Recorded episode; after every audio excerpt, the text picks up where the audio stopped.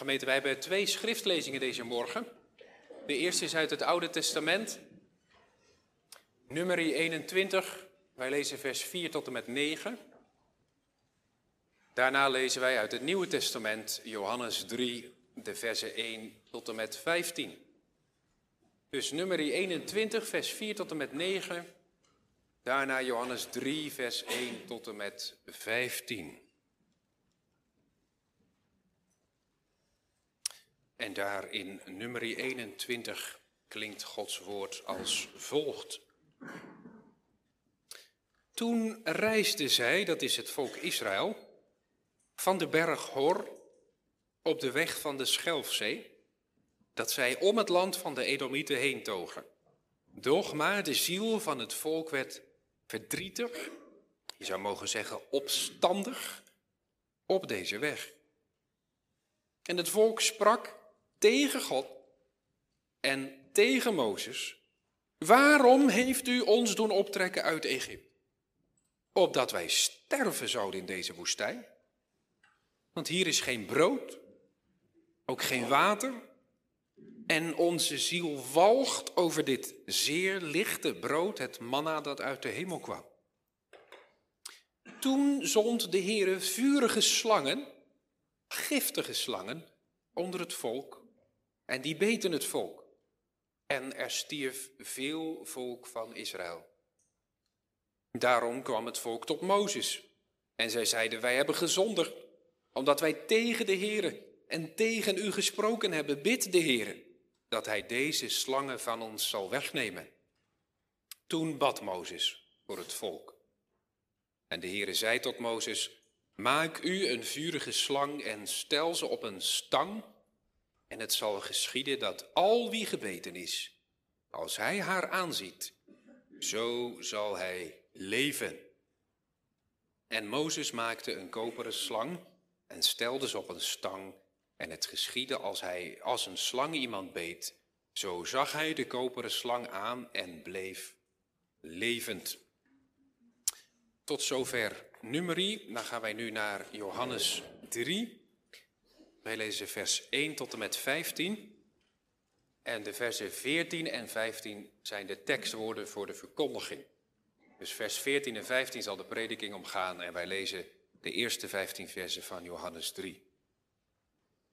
En er was een mens uit de Fariseeën, wiens naam was Nicodemus, een overste, een leider van de Joden.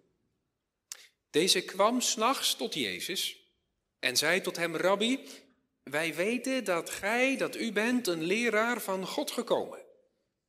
Want niemand kan deze tekenen doen die gij doet, zo God niet met hem is. Jezus antwoordde en zei tot hem, voorwaar, voorwaar zeg ik u, tenzij dat iemand wederom geboren wordt, hij kan het koninkrijk Gods niet zien. Nicodemus zei tot hem, hoe kan een mens geboren worden nu oud zijnde? Kan hij ook andermaal, kan hij ook nog een keer in zijn moeders buik ingaan en geboren worden? Jezus antwoordde, voorwaar, voorwaar zeg ik u, zo iemand niet geboren wordt uit water en geest, hij kan in het koninkrijk Gods niet ingaan. Hetgeen uit het vlees geboren is, dat is vlees. En hetgeen uit de geest geboren is, dat is geest.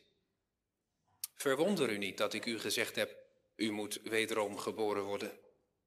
De wind blaast waarheen hij wil en u hoort zijn geluid. Maar u weet niet van waar hij komt en waar hij heen gaat. Alzo is een ieder die uit de geest geboren is. Nicodemus antwoordde en zei tot hem, hoe kunnen deze dingen geschieden? Hoe kan dit alles nou gebeuren? Jezus antwoordde en zei tot hem, Zijt gij, bent u een leraar Israëls en weet u deze dingen niet? Voorwaar, voorwaar, zeg ik u, wij spreken wat wij weten en getuigen wat wij gezien hebben. En u neemt onze getuigenis niet aan. Indien ik u de aardse dingen gezegd heb en u niet gelooft, hoe zult u geloven indien ik u de hemelse zou zeggen? En niemand is opgevaren in de hemel dan die uit de hemel nedergekomen is, namelijk de Zoon des Mensen die in de hemel is. En gelijk Mozes de slang in de woestijn verhoogd heeft, alzo moet de zoon des mensen verhoogd worden, opdat een ieder die in hem gelooft niet verderven, niet verloren gaat, maar het eeuwige leven hebben. Tot zover.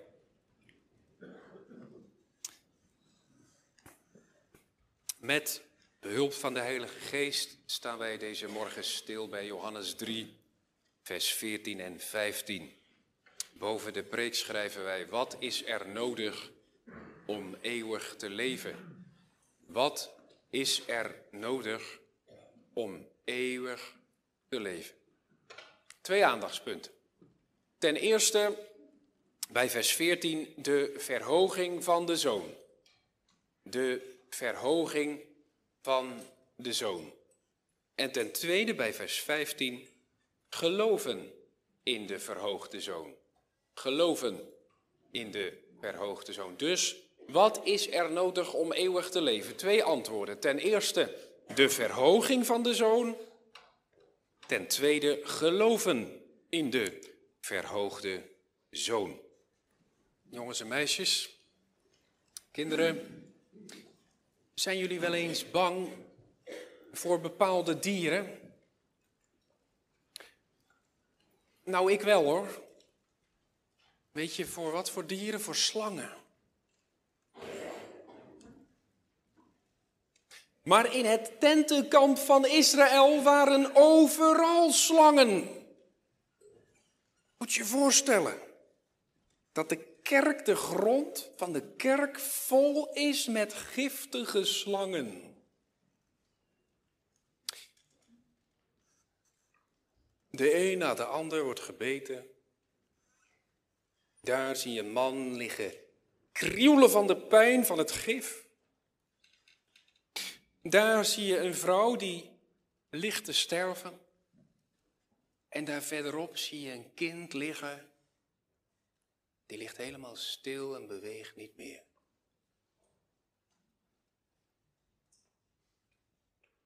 Ja, het was hun eigen schuld. Israël had gezondigd tegen de Heer. En dan gaat het volk smeken om hulp als ze hun zonde beleiden. En Mozes gaat bidden, terwijl ze ook tegen Mozes hadden gezondigd, een les. En dan zegt de Heer tegen Mozes, maak een koperen slang en zet die op een stok, op een stang, zodat die hoog genoeg is dat iedereen hem kan zien. En al wie gebeten is door de gifslang, wie ziet op die koperen slang, wie ernaar kijkt, die zal gered zijn. Nou, zo is het nou ook bij ons, gemeente. We zien ze niet, maar die slangen zijn er wel zijn allemaal gebeten door de slang. Die oude slang, de duivel. En zonder gif wordt ons lichaam rondgepompt en we dreigen verloren te gaan. Maar in zijn onbegrijpelijke genade heeft God een middel gegeven waardoor ieder die gebeten is op mag zien. En die zal leven, ja die zal eeuwig leven. Dat is onze tekst. Vers 14. Allereerst. En gelijk Mozes de slang in de woestijn verhoogd heeft, alzo moet de zoon des mensen verhoogd worden. Wij letten op de verhoging van de zoon. Dat is het eerste wat nodig is om eeuwig te leven. Johannes 3 is een gesprek tussen Jezus en Nicodemus. En Nicodemus snapt het niet. mijn eigen gemeente heb ik eerst over vers 1 tot en met 8 gepreekt. Over die wedergeboorte. En Nicodemus snapt het niet. Misschien u of jij ook al niet over de wedergeboorte. Er is op gehamerd dat het moet. En dat weet u, het moet. Maar hoe? Opnieuw geboren worden uit water en geest. God moet het doen. Ik kan er niks aan bijdragen. Hoe dan? Nou, dat is dus ook wat Nicodemus zich afvraagt in vers 9. Hoe kunnen deze dingen geschieden? Heer Jezus, hoe dan? Nou, op die vraag gaat de Heer antwoord geven. Vers 10 tot en met 13 is zeg maar de aanloop naar het antwoord. Daar kunnen we verder niet op ingaan. En het uiteindelijke antwoord op de vraag van Nicodemus uit vers 9 wordt in vers 14 en 15 gegeven. Oké, hoe zullen deze dingen geschieden van de wedergeboorte? Antwoord. Gelijk Mozes de slang in de woestijn verhoogd heeft. Alzo moet de zoon des mensen verhoogd worden, opdat een ieder die in hem gelooft, niet verderven, maar het eeuwige leven hebben. Wedergeboorte heeft dus alles te maken met Jezus aan het kruis en geloven in Hem. Gelijk Mozes de slang in de woestijn verhoogd heeft. Nou, we kennen het verhaal denk ik wel. We zijn er de preek mee begonnen, kinderen, met die slangen. En al vroeg was voor Israël die koperen slang niet alleen maar het teken van genezing. je ziet nog steeds bij de ambulance en bij de apotheek zo'n slang op een stok staan. Dat, dat is een beeld ontleend uit de Bijbel, genezing. Maar voor Israël was het niet alleen maar genezing, die koperen slang, maar stond het voor de verlossing, voor de eeuwige genezing. Dat staat ook in het buitenbijbelse boek, Wijsheid van Salomo, en dat kende Nicodemus, en die wist heel goed dat die koperen slang, waar Jezus het over heeft in vers 14, staat voor de eeuwige verlossing. Nieuw leven krijg je door die koperen slang daarnaar te zien. Wedergeboorte wordt dus blijkbaar gewerkt door iets met die verhoging van de slang van Jezus. Jezus vergelijkt zichzelf met die koperen slang. Die koperen slang moest verhoogd worden, zeg maar zoals die kansel verhoogd staat, zodat iedereen het kon zien. Nou zegt Jezus, zo moet de zoon des mensen, ik dus, verhoogd worden, op een hoge plaats gesteld worden, zodat iedereen mij kan zien om gered te worden. Nou, dat woordje verhogen wat Jezus gebruikt is heel opvallend, want het betekent twee dingen en het betekent het allebei. De eerste betekenis van verhogen is verheerlijken. Dus Jezus zegt dat hij verheerlijkt zal worden, geëerd zal worden. Maar tegelijkertijd betekent dat woordje verhogen ook executeren. Ter dood gebracht worden, namelijk aan of de paal opgehangen worden of het kruis. Dus Jezus zegt, ik moet verhoogd worden, ik moet geëerd worden. En daarmee zegt hij tegelijkertijd op welke manier hij verhoogd zal worden. Aan het kruis. Dus hier in Johannes 3 schemert al iets door van, van het lijden en sterven van de Heer Jezus. En nee, Nicodemus heeft dat denk ik nog niet gesnapt op deze plaats. Maar later wel hoor, in Johannes 19, dan haalt hij Jezus van het kruis af. Nou, geloof me dat hij aan deze tekst heeft gedacht. Hier wordt Nicodemus onderwezen in het hoe van de wedergeboorte. En wij dus ook. Jezus zegt in de versen 10 tot en met 13 dat hij tot nu toe in aardse termen heeft gesproken, aardse dingen. hij heeft het over geboorte, dat is toch iets aards. Hij heeft het over water en geest, dat zijn allemaal aardse voorbeelden van, van hoe je het koninkrijk God zal binnengaan. En dan zegt hij tegen Nicodemus in vers 12, nu ga ik je de hemelse dingen vertellen. Nu ga ik het vanuit het hemelse perspectief uitleggen. En dan komt vers 14 en 15 en 16. Dus dit is de hemelse logica van hoe een zondaar opnieuw geboren wordt. Door de verhoging van Jezus en het geloof in Hem. En nee, het is niet dat je door te geloven opnieuw geboren wordt. Geloven is een gevolg van de wedergeboorte. Dan pas kun je weten of je opnieuw geboren bent. Anders niet. Geloof door de verhoogde zoon.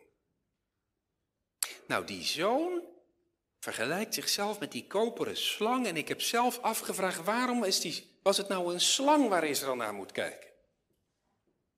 Waarom nou een slang?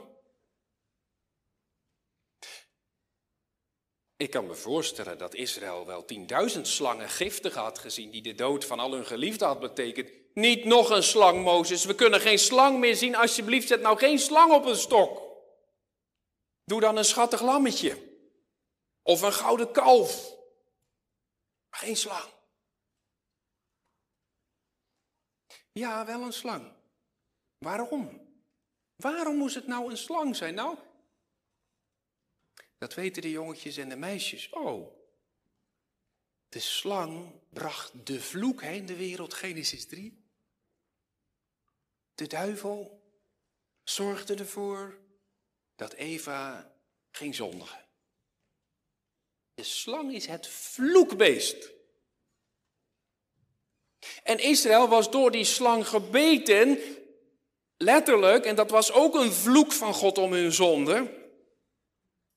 En met dat Mozes die koperen slang opricht, moet Israël dus de vloek in de ogen kijken. En dat betekent juist hun redding.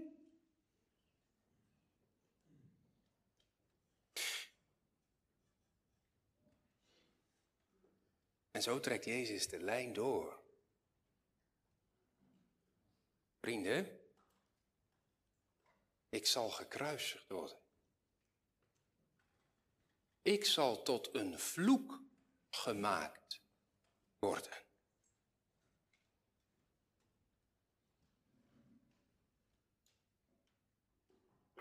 Waarom?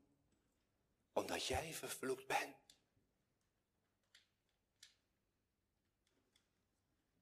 De kruisiging was de vloek van alle vloeken.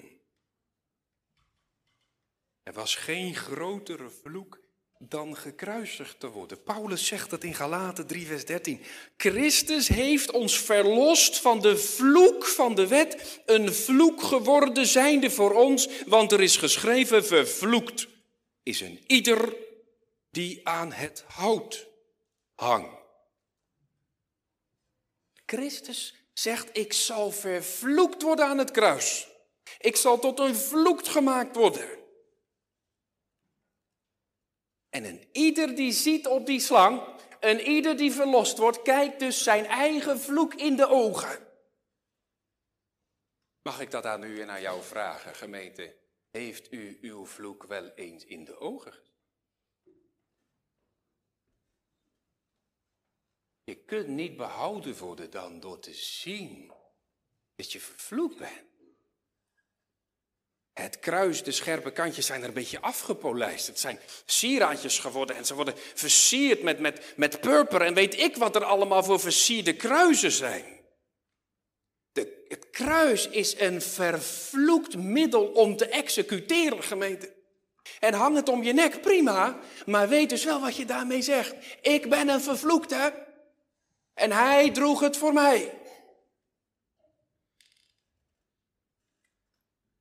Dat is het kruis dat werd opgericht.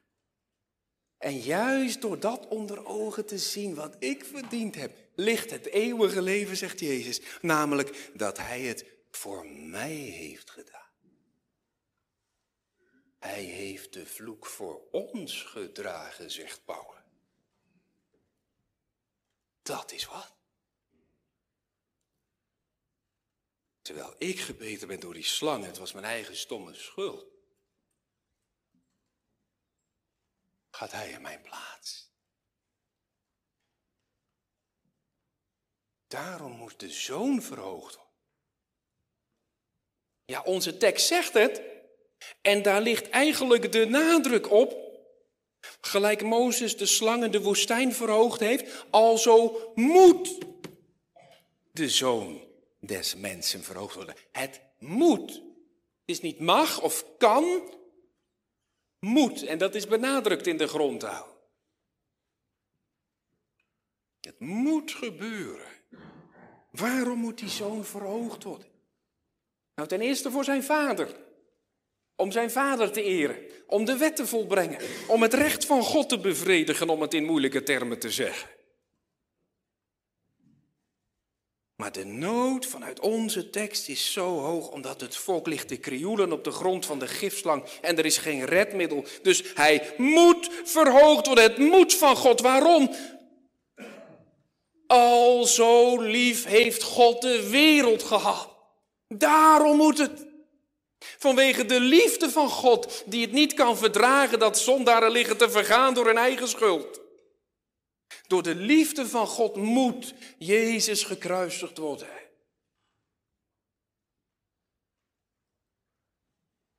Want de toestand is serieus en, en dat ziet de hemel. De hemel kijkt naar de aarde en ziet hier een noodtoestand. Er is niet alleen een noodtoestand in Oekraïne, maar die is ook in Nederland en die is ook in Goes en omstreek. De vraag is, zien we het? Dat de wereld een hospice is? Zien we het? Dat onze medemensen, nee, dat wij zelf gebeten zijn en genezen moeten worden omdat het anders eeuwig te laat is. We zijn hier niet op aarde om spelletjes te spelen. Oh jongens en meisjes, doe gerust een spelletje. Dat bedoel ik niet, maar gemeente, u snapt wat ik bedoel. Het is serieus. Er was een tijd in 1666 dat er in Londen, toen ongeveer de grootste stad van de wereld, een geweldige brand woedde en de pest ging rond. De hele stad stond in brand en iedereen stierf door de pest. Thomas Vincent was een getrouwe dienaar van het woord in die tijd, die het overleefd heeft. En die heeft een boekje geschreven, Gods vreselijke stem in de stad. En daarin wordt ook beschreven hoe het in de kerk eraan toe ging. De dominees die niet trouw waren aan het woord van God waren gevlucht, want het was veel te gevaarlijk. En de kerk zat vol gestampt, vol. De dominee moest over de mensen heen klimmen om naar de kansel te gaan. Maar wat denkt u, hoe zou zo'n preek hebben geklonken in die tijd? Zou het zijn gegaan om bijzaken? Zou het zijn gegaan om de details? Nee. Rondom de kerk, hè, de kerkhof, de graven waren gedolven. Er lagen tientallen graven rondom de kerk al open, want de kerkganger van vandaag zou waarschijnlijk morgen wel eens begraven kunnen worden. En zo klonk het woord. Zo stond een dienaar van het woord, als een stervende die sprak tot stervende en dat ging maar om één ding, Jezus Christus en dien gekruisigd en het kennen van Hem om eeuwig te leven. En dat is de grote nood van onze tekst. En de vraag wordt gesteld, is onze ziel dan gered? Wie is die verhoogde Christus voor ons?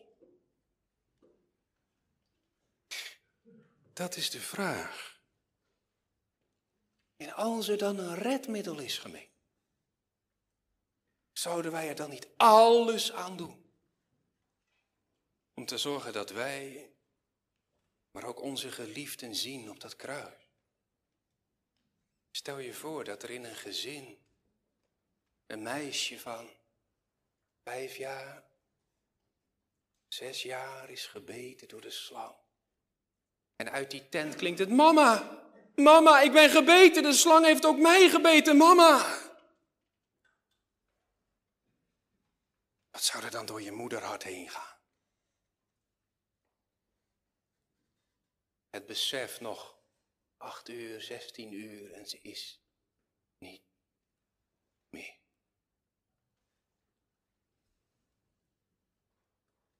Wat zouden wij dan doen als ouders? Lekker tv gaan kijken?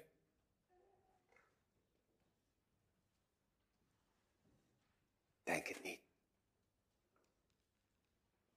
Meisje, meisje, lieverd, er is een slang, een koperen slang. En als je daarop ziet, ben je genezen. Je moet naar die slang toe.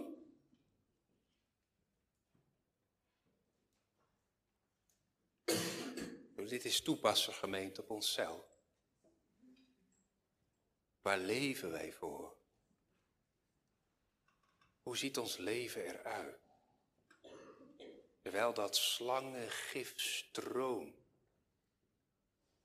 Jonge vrienden, waar, waar geven onze tijd aan uit? Ik zeg niet dat je niks mag doen om te ontspannen. Maar hoeveel tijd besteed je aan de dingen van hier? En als er nou een redmiddel is om te zien, maak dan dat je die slang toch ziet. Wat zeg ik, je ziet hem, je ziet hem. Je ziet hem vanochtend door de prediking, want dat kruis wordt hier opgericht door de prediking. De zoon wordt ook hier verhoogd door de prediking. Ziet u zijn wonde, hij is doorboord. En die spijkers gingen door zijn armen, door zijn zenuwen heen. En hij werd vastgespijkerd aan zijn voet en hij zat zo strak vast aan het kruis gemeten dat hij niet adem kon halen. En als hij adem wilde halen, moest hij zich optrekken aan de spijkers. Zie je wat voor vloek die is geworden? Zie hoe zijn lippen zijn gebarsten? Zie je hoe zijn hoofd bloedt van de kroon? Zie je hoe die kapot is gemaakt? Verbrijzeld is om onze zonde.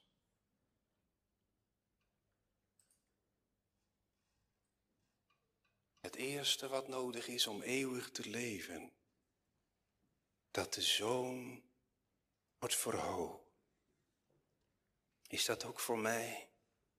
Nog één ding voor we verder gaan. Jezus zegt ook de plaats bij waar die slang verhoogd is, namelijk in de woestijn. En de woestijn is in de Bijbel de plaats van verlorenheid. Daar waar de vloek van Genesis 3 het meest terug te zien is, is de woestijn. Onvruchtbaar. Of heel koud of heel warm. Gevaarlijk, wilde dieren, gevaarlijk, rovers. Jezus zegt, in de plaats van alle verlorenheid is die slang verhoogd. En zo zal ik niet op het plein van de tempel van Jeruzalem gekruisigd worden. Buiten de stad, op de plaats van de hoofdschedels, midden in de verlorenheid. De vraag of het voor u is, dan stel ik de vraag, bent u verloren? Ja, het is dus voor u. Want daar is die slang opgericht. Juist voor vervloekt. Er is niemand zo verloren in Goes of hij kan gered worden. Er is geen zondaar zo groot, al heb je gehoereerd. Hij is gekomen voor zondaars en voor tollenaars. En God meent het. En God zegt, kom. Dat brengt bij het tweede. Wat is er nou nog meer nodig om eeuwig te leven? Ten eerste de verhoging van de zoon. Maar dan zegt Jezus niet, nou ik ben gestorven aan het kruis, jullie zijn er allemaal. Nee, hij zegt nog het tweede wat nodig is. Dat is vers 15, ons tweede punt. Geloven in de verhoogde zoon. In vers 15 zegt Jezus namelijk, opdat een ieder die gelooft niet verderven, maar het eeuwige leven heeft. Vers 15 begint met opdat.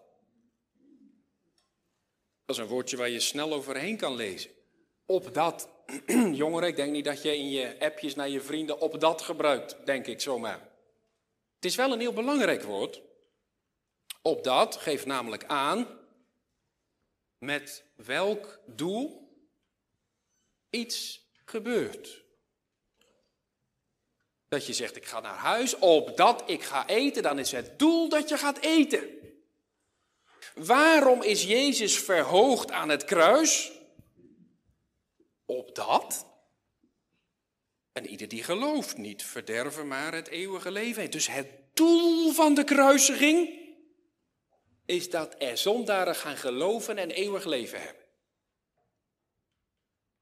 God heeft zijn zoon niet laten kruisigen om te zeggen, ach ja, kijk maar wie er komt. Nee, met het gebod, met het bevel, er is een gekruisigde, zie. Opdat een ieder die gelooft niet verderven. Daar heb je het weer, dat woordje verderf. Als het ergens terugkomt, dan is het in de prediking van de Heer Jezus. Het kan dus niet zo zijn dat in de christelijke gemeente het woordje verloren gaan geen plaats meer heeft. Jezus zegt heel duidelijk, het gaat om eeuwig leven of verderven en er zijn geen andere mogelijkheden. En Nicodemus, omdat jij besneden bent, omdat jij de leraar van Israël bent, ga je het koninkrijk van God niet binnen. Omdat je je plichten nakomt, naar de kerk gaat en gedoopt bent, is geweldig mooi en rijk, maar het is niet de ingang naar de hemel. Dat is het geloof. En het geloof alleen.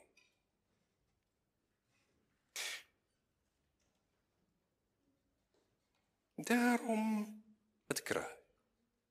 Tegen die donkere achtergrond van de verlorenheid, die koperen slang, die gekruisigde zoon. Uit liefde van God. Nou, wanneer ging Israël zien op die slang? Nou,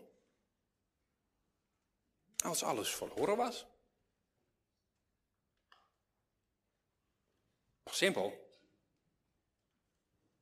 Stel je bent heel ziek en er is een medicijn, maar je denkt, ja, er is nog kans dat ik zo en zo ook genezen word. Dan ga je dat doen.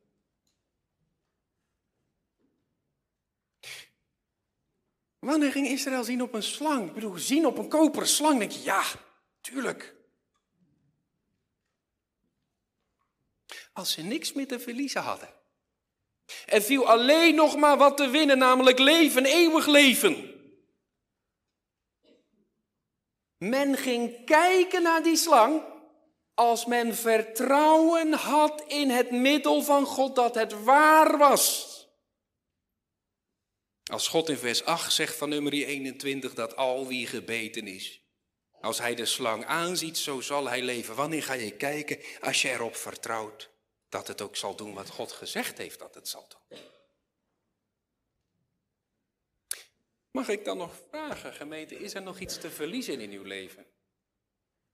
Waardoor het gelovige zien op Jezus toch ja. En niet morgen, hè, maar nu. Het zien op Jezus nu, om nu, op dit moment, onder de prediking zalig te worden. Heeft u nog wat te verliezen?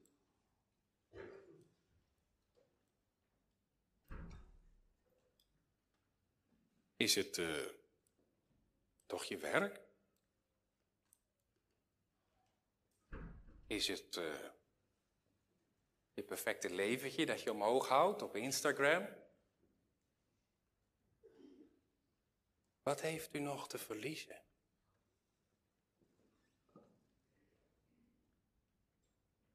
Wie zijn leven niet zal willen verliezen, zegt Jezus, ja, gaat verloren. Maar wie zijn leven zal verliezen op mijnentwil, die zal het vinden. Gemeente, er ligt leven in de Zoon. U hoeft maar te zien. Eén gelovige blik op Jezus en u bent behouden.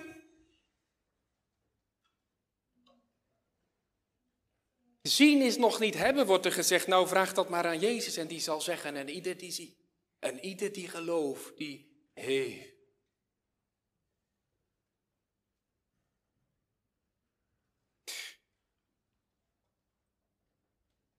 En dan is het geloof alleen.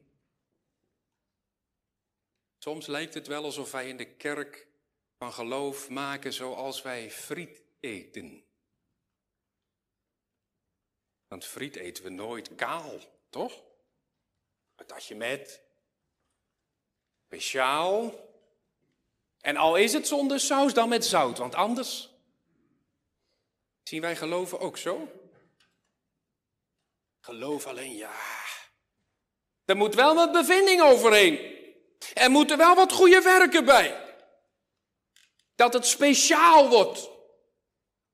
Nee, zegt de schrift, het is het geloof alleen en alleen het zien op Jezus geeft eeuwige redding. En als je er nog wat bij wil, dat is geen geloof. Althans, geen geloof in de zoon, niet het waar.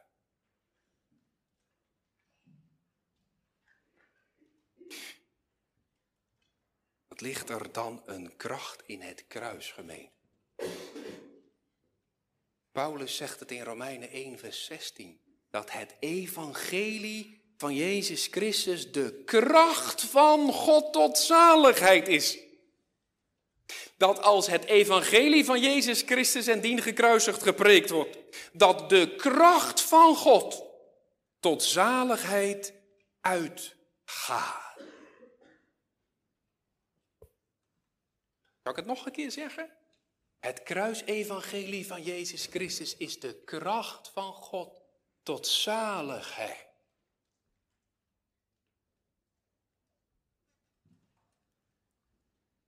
Dan blaast de Heilige Geest eigenlijk vanaf de kansel. Dan spat het bloed van Jezus Christus, dat reinigt van alle zonden van de kansel. Dan is het alsof er een rivier stroomt door de gemeente, door de banken heen. En en ieder die dorst heeft, die komen en drinken van het levende water om niet.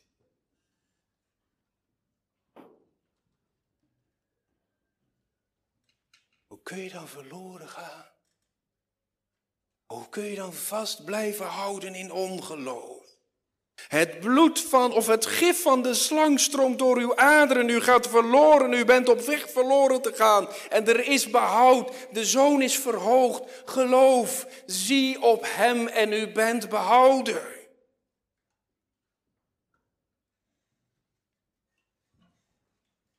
Ik denk aan de bekering van Spurgeon, Charles Spurgeon, de prins van de predikers. was een jongen van 18 jaar. Hij was eigenlijk best onverschillig eronder. Hij ging naar de kerk, maar er was een geweldige sneeuwstorm, dus hij kon bijna geen stap zetten. Hij kon niet naar zijn eigen kerk, dus noodgedwongen ging hij een heel klein kerkje in de buurt binnen. En in die kerk preekte een lekenprediker. Dat was geen echte dominee. En dat klonk allemaal niet zo spetterend. We zouden zeggen, oh, wat een saaie stem. maar dit was en zus en zo, ja. Die preekt. Over Jesaja 45. Wend u naar mij toe, alle einden der aarde wordt behouden. En de Engelse tekstvertaling van Jesaja 45 is, zie op mij en word behouden. En die eenvoudige prediker zag Spurgeon zitten en hij wees hem aan. Hij zei, jongen, jongen, zie, zie, zie en word behouden. En daar stierf Spurgeon. Spurgeon was niet meer, maar een nieuw schepsel in Christus Jezus. Zo ging hij de kerk uit. Wat een goddelijke kracht zit er in het kruis, en zo worden vanochtend hemel en hel, dood en leven u voorgesteld. Al zo lief heeft God de wereld gehad. Hij wil dat we zien. Ziet u, zie jij.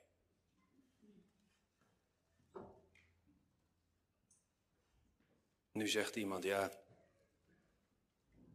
Oh ja, dat kruis, ik zie het wel, maar kijken en zien, dat is ook nog wel een verschil, want, want ik, ben, ik ben te slecht, dominee. Ik ben het zo onwaardig in mijn leven, als je nou eens weet wat ik allemaal gedaan heb, het gaat niet. Ja, je ziet die slangen beten. Ja, die slang heeft je gebeten en je ziet maar die wond en die, die ziet er niet uit, want een giftige slangenbeet en je ziet erop en het is gapend diep en het gif gaat door je lijf en je zegt, oh, nergens wordt dat slangengif zo diep ervaren dan als je geweten wakker is geworden voordat je verloren gaat. Maar dan zeg ik, vriend, vriendin, Israël werd niet behouden door te zien op hun wond. Maar ze werden behouden door te zien op het kruis. Op die slang. Om af te zien van je wond. En ja, het is vreselijk. En ja, je bent het ook onwaardig. En weet je, het is nog veel erger dan dat jij denkt. Want als je de Heer leert kennen, gaat Hij je pas echt leren hoe diep het zit. Maar je wordt geroepen om te zien op het kruis, op het middel dat God heeft gegeven om behouden te worden. Ja, maar ik kan het niet grijpen. Dat zegt God ook niet. Hij zegt, zie, zie, geloof. Ja, zijn er ook kwakzalvers. Jonge, jonge meisjes en jongens, dat zijn valse dokters die je niet gaan genezen, maar vooral heel veel geld aan je verdienen. Ik bedoel, ja, het is wel in de woestijn. Iedere dwaas kan het tentenkamp van Israël binnendringen. Daar is een dokter. Oh, wat ziet hij er deftig uit. En die komt bij iemand die gebeten is de koorts opmeten. En die dokter twijfelt of die persoon in aanmerking komt om genezen te worden. Want ja, ja, de koorts moet nog wat hoger. Oh, zegt de familie, oh. Oh, wij zullen bidden dat de koorts hoger wordt.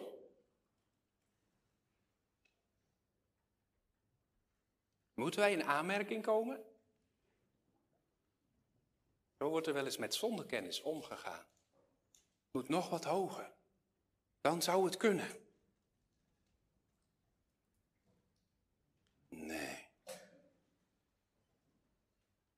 Het gaat er niet om dat de koorts hoog genoeg wordt. Waar het om gaat is dat besef dat er dodelijk gif in je aders zit en dat je nu moet zien omdat je anders verloren gaat. Dat is het doel van zondekennis, dat het uitdrijft naar Jezus Christus. Het minste besef van die slangenbeet zou leiden tot het zien op Jezus. Luister niet naar die kwakzalf. Er zijn er nog meer hoor. Komt nog een dokter en die zegt, nou, met de kracht die je nog over hebt, je moet meewerken. Krabbel op, was de wond, trek een schoon kleed aan en echt, het gaat vanzelf over. Ik ben ook slangenexpert, zegt die dokter. Ik weet dat deze slang niet zo heel giftig was. Kom op. Ligt in meewerken, de verlossing. Goede dingen doen. Je moet nog wel even wat serieuzer worden, want anders. Dit is de kwakzalver van werken door de wetzalen worden. Komt er niet. Je gaat het niet redden. In de wet ligt geen verlossing. In het werken ligt geen verlossing. Het is geloof alleen. En daarom is het zo treffend. Wie heeft nou die koperen slang omhoog gehouden in de woestijn? Mozes, zegt Jezus. En in het Johannesevangelie staat Mozes voor de wet. Johannes 1, vers 17. Want de wet is door Mozes gegeven. Tegenstelling, de genade en de waarheid door Jezus Christus. Jezus wil zeggen, Mozes houdt mij als het ware omhoog. Door de wet leer je dat je verlost moet worden door mij. Hebben we dat geleerd? Waaruit kent uw ellende door de wet Gods? En dat leert ons Christus in een hoofdsom, dat het Christus ons leert. Bij Hem is verlossing, niet door je best te doen. Nou, er zijn nog meer kwakzalvers, ik kan ze niet allemaal langs gaan. Maar wij moeten sterven, gemeente, aan alle lab- en redmiddelen buiten het levende geloof in Jezus om. Geef mij Jezus of ik sterf, want buiten Jezus is geen leven, maar een eeuwig zielsverderf. En daarom wordt Jezus gepreekt. Daarom wordt het middel tot behoud gepreekt. Vertrouw op dit redmiddel, de eenvoud van dit redmiddel, het kinderlijke geloof in het kruis.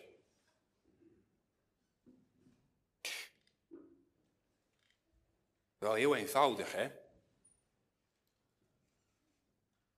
Kijk, je moet oppassen dat het geen conclusie geloven. Dat je zegt van, nou, Jezus is gestorven zondaar, ik ben een zondaar, nou, het is goed met me. Dat is niet geloof. Geloof is vertrouwen op de persoon van Jezus door de belofte. Is dat eenvoudig? Is dat alles? Ja, ja. Vrome mensen walgen hiervan. Struikelen over de eenvoud. Naaman, zo ziek, gaat hij helemaal naar Israël, naar zo'n profeet. En die profeet zegt, was je zeven keer in de Jordaan. Oh, oh, wat werd die boos. Ja, die rivieren in mijn land zijn veel schoner. Denk je nou dat... God dank had hij die dienaren, die zeiden ja naar Amon. Zou je het niet doen?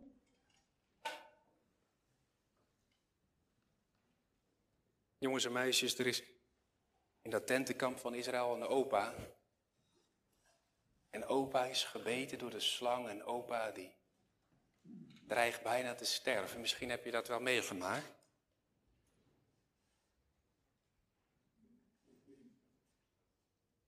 En een kleinkind zegt, opa, er is een slang buiten. Die heeft Mozes omhoog gezet. En God zegt, als je daarop ziet, word je genezen. Maar opa zegt met het laatst van zijn krachten, ja jong, wij hebben zo gezond. Gaat zo diep, denk je nu? Nee, nee.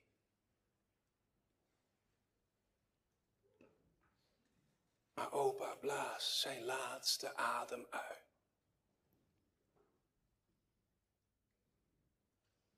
En doet zijn ogen open.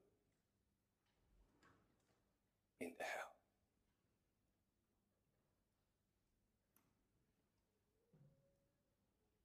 Zijn er zulke hier?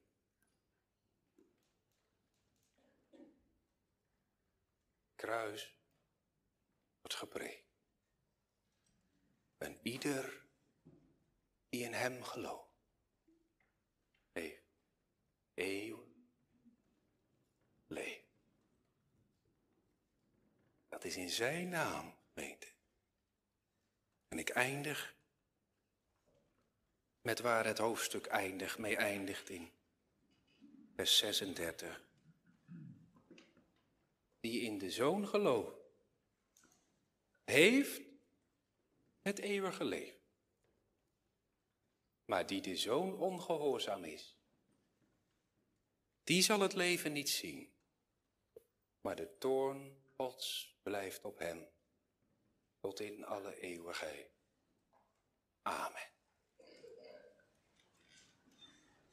Psalm 2, vers 7. Welzalig zij die naar zijn reine leer in hem hun heil hun hoogst geluk beschouwen. Die Sions vorst erkennen voor hun Heer. Welzalig zij die vast op hem betrouwen.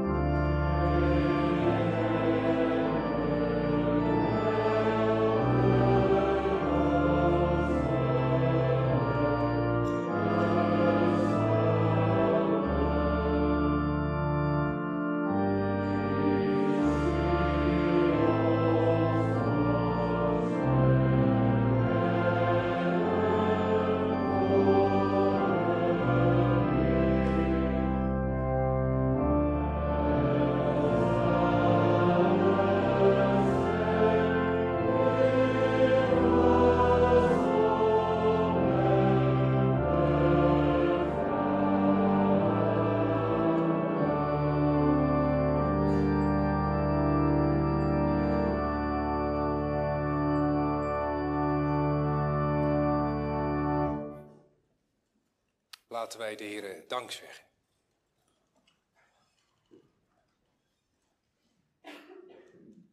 O Heere, God en Vader, wij danken u voor het woord dat u heeft gegeven. Het woord dat bediend mocht worden vanochtend.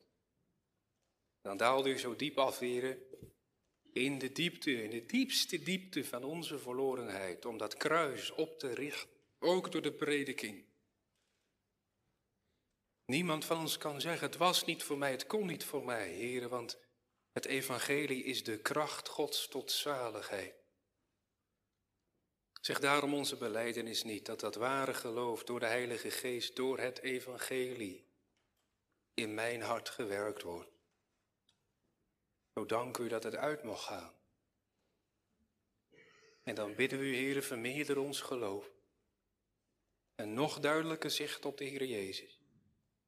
Want in Hem ligt het eeuwige leven en buiten Hem de eeuwige dood. Wij danken u, Heer, dat uw woord geen mysterie is.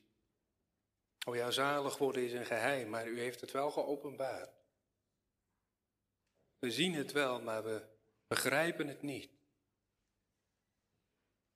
Maar is dat niet geloven, vertrouwen op de God die ik niet begrijp, maar die wel betrouwbaar is? Zo danken we u voor de bediening van het woord en bidden u dat u het achtervolgt met uw zegen. Want een ieder die in hem gelooft.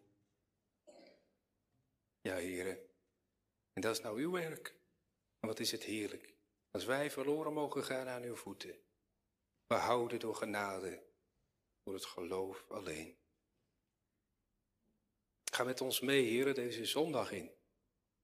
Geef goede besprekingen thuis. Geef openheid. Ook tussen jongeren en hun ouders. Geef dat het openvalt, Heer, want we liggen allemaal in zo'n tent te vergaan. We bidden u ook, Heer, voor hen bij wie de jaren al tellen. Die ouder worden en grijzer worden. Die ook niet meer op kunnen gaan naar de kerk. Wij bidden u, Heer, dat u met uw genade komt onder de vleugels van uw verlossing is toch genezing.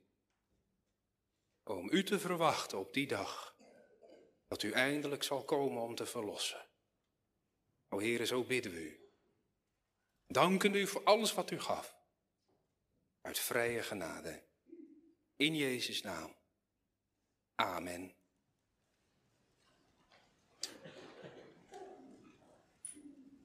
Geweten wij we zingen Psalm 73. Ik heb alleen vers 14 opgegeven. Ik stel voor dat we ook vers 13 zingen. Dus vers 13. Wien heb ik nevens u omhoog? Wat zou mijn hart, wat zou mijn oog op aarde nevens u toch lusten? Niets is er waar ik in kan rusten. Bezwijk dan ooit in bittere smart. Of bange nood mijn vlees en hart. Zo zult gij zijn voor mijn gemoed, mijn rots, mijn deel, mijn eeuwig goed. Dat is de taal van een ieder die heeft gezien en genezen is. Maar we zingen ook vers 14. Wie ver van u de wilde zoekt, vergaat eerlang en wordt vervloekt. Psalm 73, 13 en 14.